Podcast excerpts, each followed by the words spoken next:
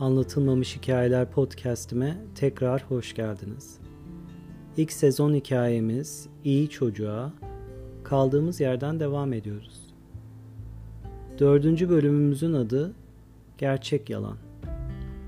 Hazırsanız başlayalım.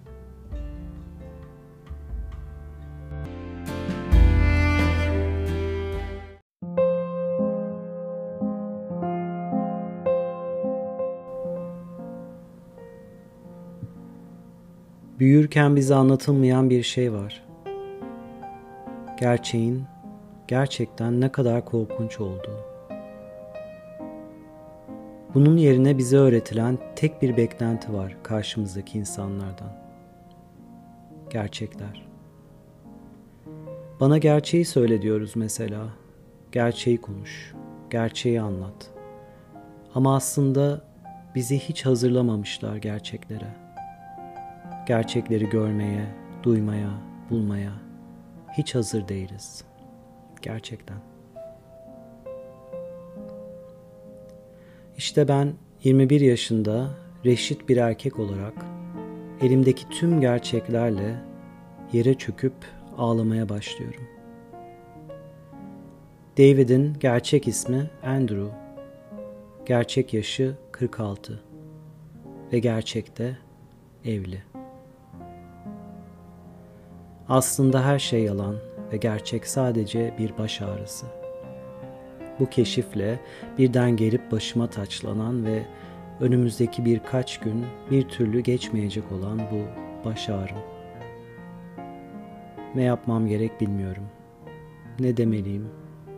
İlk önce diyorum kendi içimden, her şeyi yerli yerine koy, hiç bulmamış gibi. Her yeri sildiğinden, temizlediğinden emin ol. Ondan sonra büyük bir bıkkınlıkla koltuğa atıyorum kendime. Başım eğik, yere bakıyorum. Gözüm sarı, masif parkelere dalıyor. Her bir parça sanki gözümün önünde, içinden çıkılmaz bir labirente dönüşüyor. Gözlerimle takip ediyorum bir uçtan bir uca. Tekrar aynı yere geliyorum. Çıkış yolu yok. Ben neredeyim? Neden buradayım? Birden mezuniyetten sonra hemen evlenen üniversite arkadaşım aklıma geliyor. Gay olduğunu tahmin ediyorum ama o acele bir kararla bir kadınla evleniyor. Mutlu mu acaba diyorum içimden. Ben gerçekleri bulmaya çalışırken yalanların tam ortasında yurdumdan uzak hiç tanımadığım bir adamın evinde. Yerlere, masif parkelere bakıyorum. Gerçek mutluluk bu mu? Yoksa mutluluk sadece hayallerden oluşan bir kurgu mu? Derinde aldığım düşüncelerimden anahtarın kapıya giriş sesiyle aniden irkilerek çıkıyorum. David geliyor eve. Normalde koltuktan kalkıp yanına gider, hoş geldin derim ama kalkamıyorum. O da birazdan koridordan sesleniyor. Ahmet evde misin? Ben geldim. Koridora dikiyorum gözlerimi. Bir anda düşüncelerim kararıyor. Onu görür görmez boğazına yapışıp gırtlağını sıkmak istiyorum.'' Suratına yumruk atmak ve bağırmak. Avazım çıktığı kadar bağırmak. Ancak onu görür görmez ağzımdan dökülen tek şey hoş geldin oluyor. Ve ben onu ilk kez gerçekten gördüğümü anlıyorum.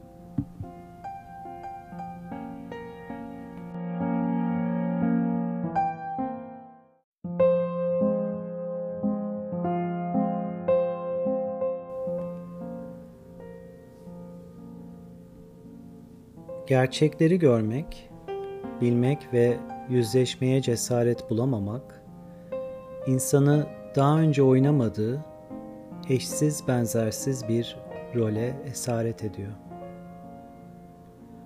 Ben de susarak David'in bu oyununa ayak uyduruyorum. Yüzleşemiyorum onunla. Sahne açılış. David işten eve geliyor her gün. Önce biraz kestiriyor. Sonra da önceden planlanmış ve porsiyonlara ayrılmış yemeklerimizi ısıtıp yiyoruz. Birlikte ama hiç konuşmadan. Ondan sonra elimize bitki çayımızı alıp David'in gün içinde kaydettiği diziyi izliyoruz. Yalan Rüzgarı. Evet, bu ironi, bu rol içinde benimle birlikte kaybolmuş. David dizi bitince kendine izin verdiği günlük şeker oranına eş değer olan bir adet beyaz çikolatalı kurabiyesini yiyip ılık yağsız sütünü içtikten sonra yatağa gidiyor. Sahne kapanış. Bense TV karşısında kanepeye uzanıp düşüncelere dalıyorum. Beni ne bekliyor bilmiyorum. Öğrenci vizem beni okula gitmeye zorluyor. Sponsorluk belgem David ile kalmaya. Önceden alınmış biletim belli bir tarihi bekletiyor bana ve gelmeden önce aileme uydurduğum bin bir türlü yalan cebimdeki 500 dolara razı olmaya. Çıkmaz bir yolun içindeyim. Çarem sadece beklemek ve bu role ayak uydurmak. Cumartesi olunca bambaşka bir rol başlıyor evde. David'in temizlik ve çamaşır günü. Ben de doğal olarak yardım ediyorum. Ev yapımı doğal solüsyonlarla duvarları siliyoruz. Arap sabunu ile yerleri. Keskin kokan ucuz bir Polonya vodkasıyla mutfak dolap ve tezgahlarını dip köşe. Her hafta yapılan rutin, detaylı temizlik bu diyor David gururla. Hizmetçiler ve onların getirdiği rahatlık yok diyor bana. Düşünmüyorum artık. Çünkü düşünürsem biliyorum. Bu hipnoz, bu rol hali bozulacak. Önümdeki hayatıma bakıyorum. Sanki sürekli dönen bir çember. Düşünmüyorum artık.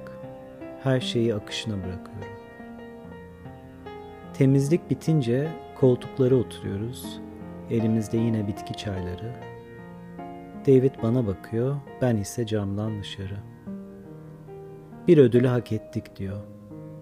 En iyisi yarın kiliseden sonra seni küçük Polonya'ya yemek yemeye götüreyim. Biraz havamız değişir diyor. Ne dersin? Kafamı kaldırıp ona bakıyorum. Önümde dönen çember birden duruyor. Ve ben umutla gülümsüyorum.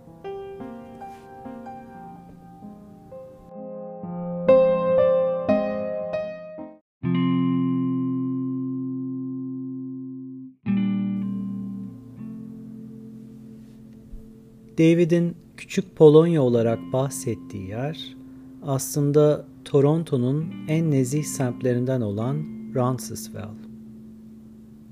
Pazar sabahı David kiliseden geldikten sonra birlikte arabayla gidiyoruz ve ben görür görmez buraya aşık oluyorum. Çok muntazam ve temiz bir ana caddenin üzerine kurulu bu semt. Bana biraz evimi, Yeşilköy Çarşı hatırlatıyor. Cadde üzerinde karşılıklı, tarihi, çift katlı evler, teraslı restoran ve kahveler. Soğuk havada bile insanlarla dolu canlı bir yer burası. Yüzüm gülüyor. İlk defa çok mutlu hissediyorum kendimi. Kısa bir yürüyüşün ardından Cafe Polonez adında sade bir restorana geliyoruz. İçeride çok fazla kimse yok. David kapıdaki kıza her zamanki masam lütfen diyor. Sonra bana bakıp beni burada iyi tanırlar. Hemen hemen her hafta gelirim diyor havalı. Ben içeride menüye bakıyorum ama şinitzer dışında pek bilmiyorum yemekleri. David'e diyorum ki ne güzelse sen bana da ondan söyle. Yalnızca domuz olmasın. David Polonyaca garsona sipariş veriyor. Çok geçmeden önümüze bir sürü tabak geliyor. Patatesli perogi yani bu Polonya mantısı. Haşlanmış böyle büyük. Kıymalı lahana dolması ancak bizimkinden de daha da büyük yani böyle kalın bir e, dolma. Patatesli pankek içinde et sote soslu, kara lahana salatası ve ekşi krema. Her şey çok leziz ve ben sanki ilk defa yıllardan sonra yemek yiyormuş gibi her şeyin tadına bakıyorum. Yüzüm gülüyor, çok mutluyum. David'in de yüzü gülüyor. Bayağı konuşuyoruz, şakalaşıyoruz, hatta kahkahalar bile atıyoruz. Gözlerimizden yaş gelene kadar.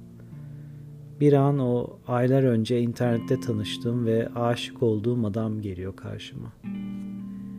David gözlerimin içine bakıp birden Yakohem Sebiçe diyor.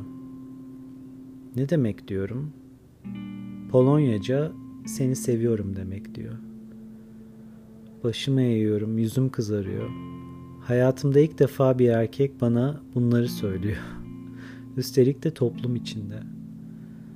Restorandan çıkarken elimi tutuyor ve birlikte arabaya doğru yürüyoruz. Bir ara çok soğuk olduğu için David koluma giriyor. İlk defa bu kadar yakınız birbirimize. Ben çok düşünmüyorum ve her şeyi akışına bırakıyorum. Arabaya biniyoruz.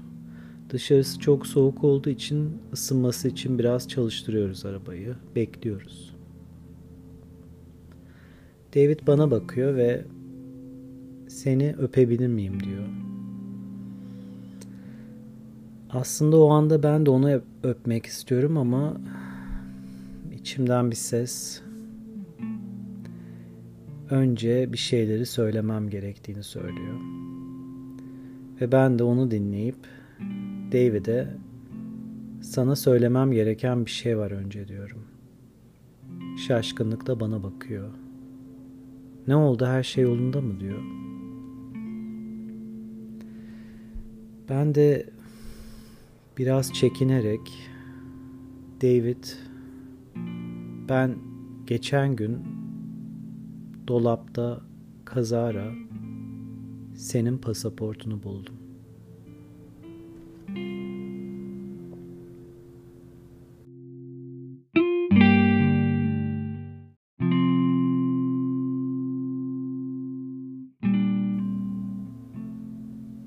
Yol boyunca konuşmuyoruz.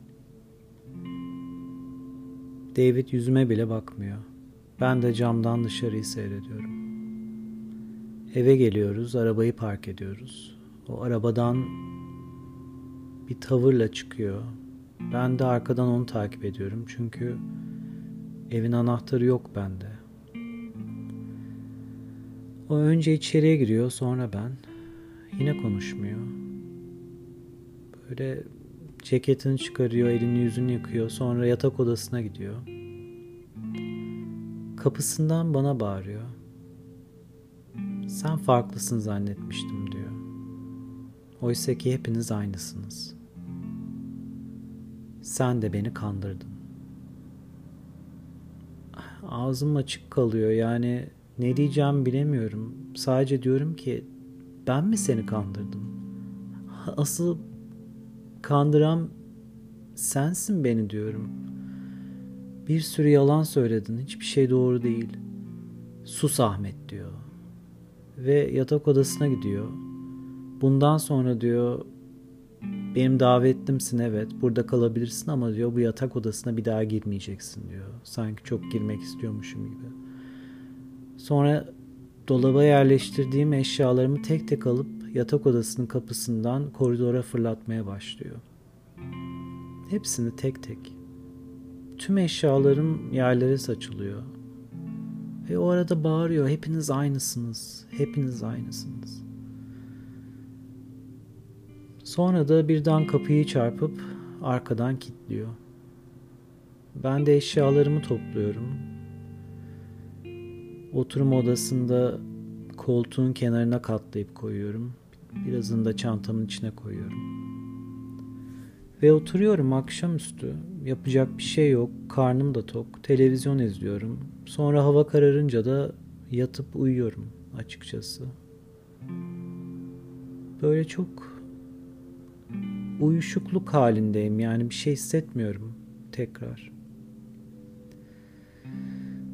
Ondan sonra gecenin bir yarısı bir şekilde uyanıyorum. Ya bir ses ya da bir gürültü oluyor. Tam bilmiyorum ama birden uyanıyorum. Ve ayağımın ucunda karanlıkta David oturuyor. Korkuyorum açıkçası. Ne oldu neden kalktın bir şey mi oldu diyorum. David ağlıyor yani hıçkırarak. Ahmet lütfen beni affet diyor. Lütfen seni kaybetmeyi göze alamam. Ne yapmam gerekiyorsa söyle hazırım diyor. Yani bir şey söyleyemiyorum hep. Yani istem dışı kalkıyorum yanına gidiyorum sarılıyorum. O da başını ensemle omuzumun arasına koyuyor.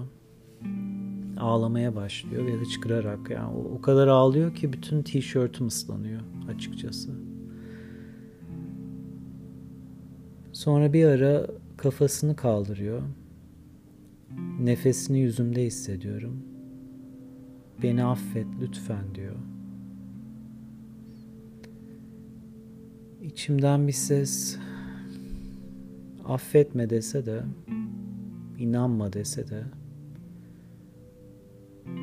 bir anda dudaklarımı uzatıp onu öpüyorum uzun uzun. İlk defa ve son kez.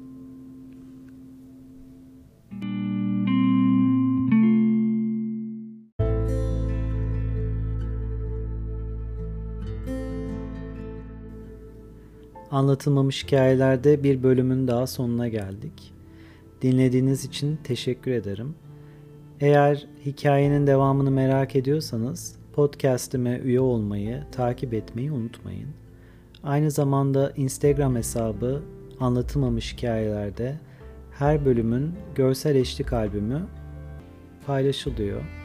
Oradan bakıp hikayeyi takip edebilirsiniz ve bana ulaşabilirsiniz.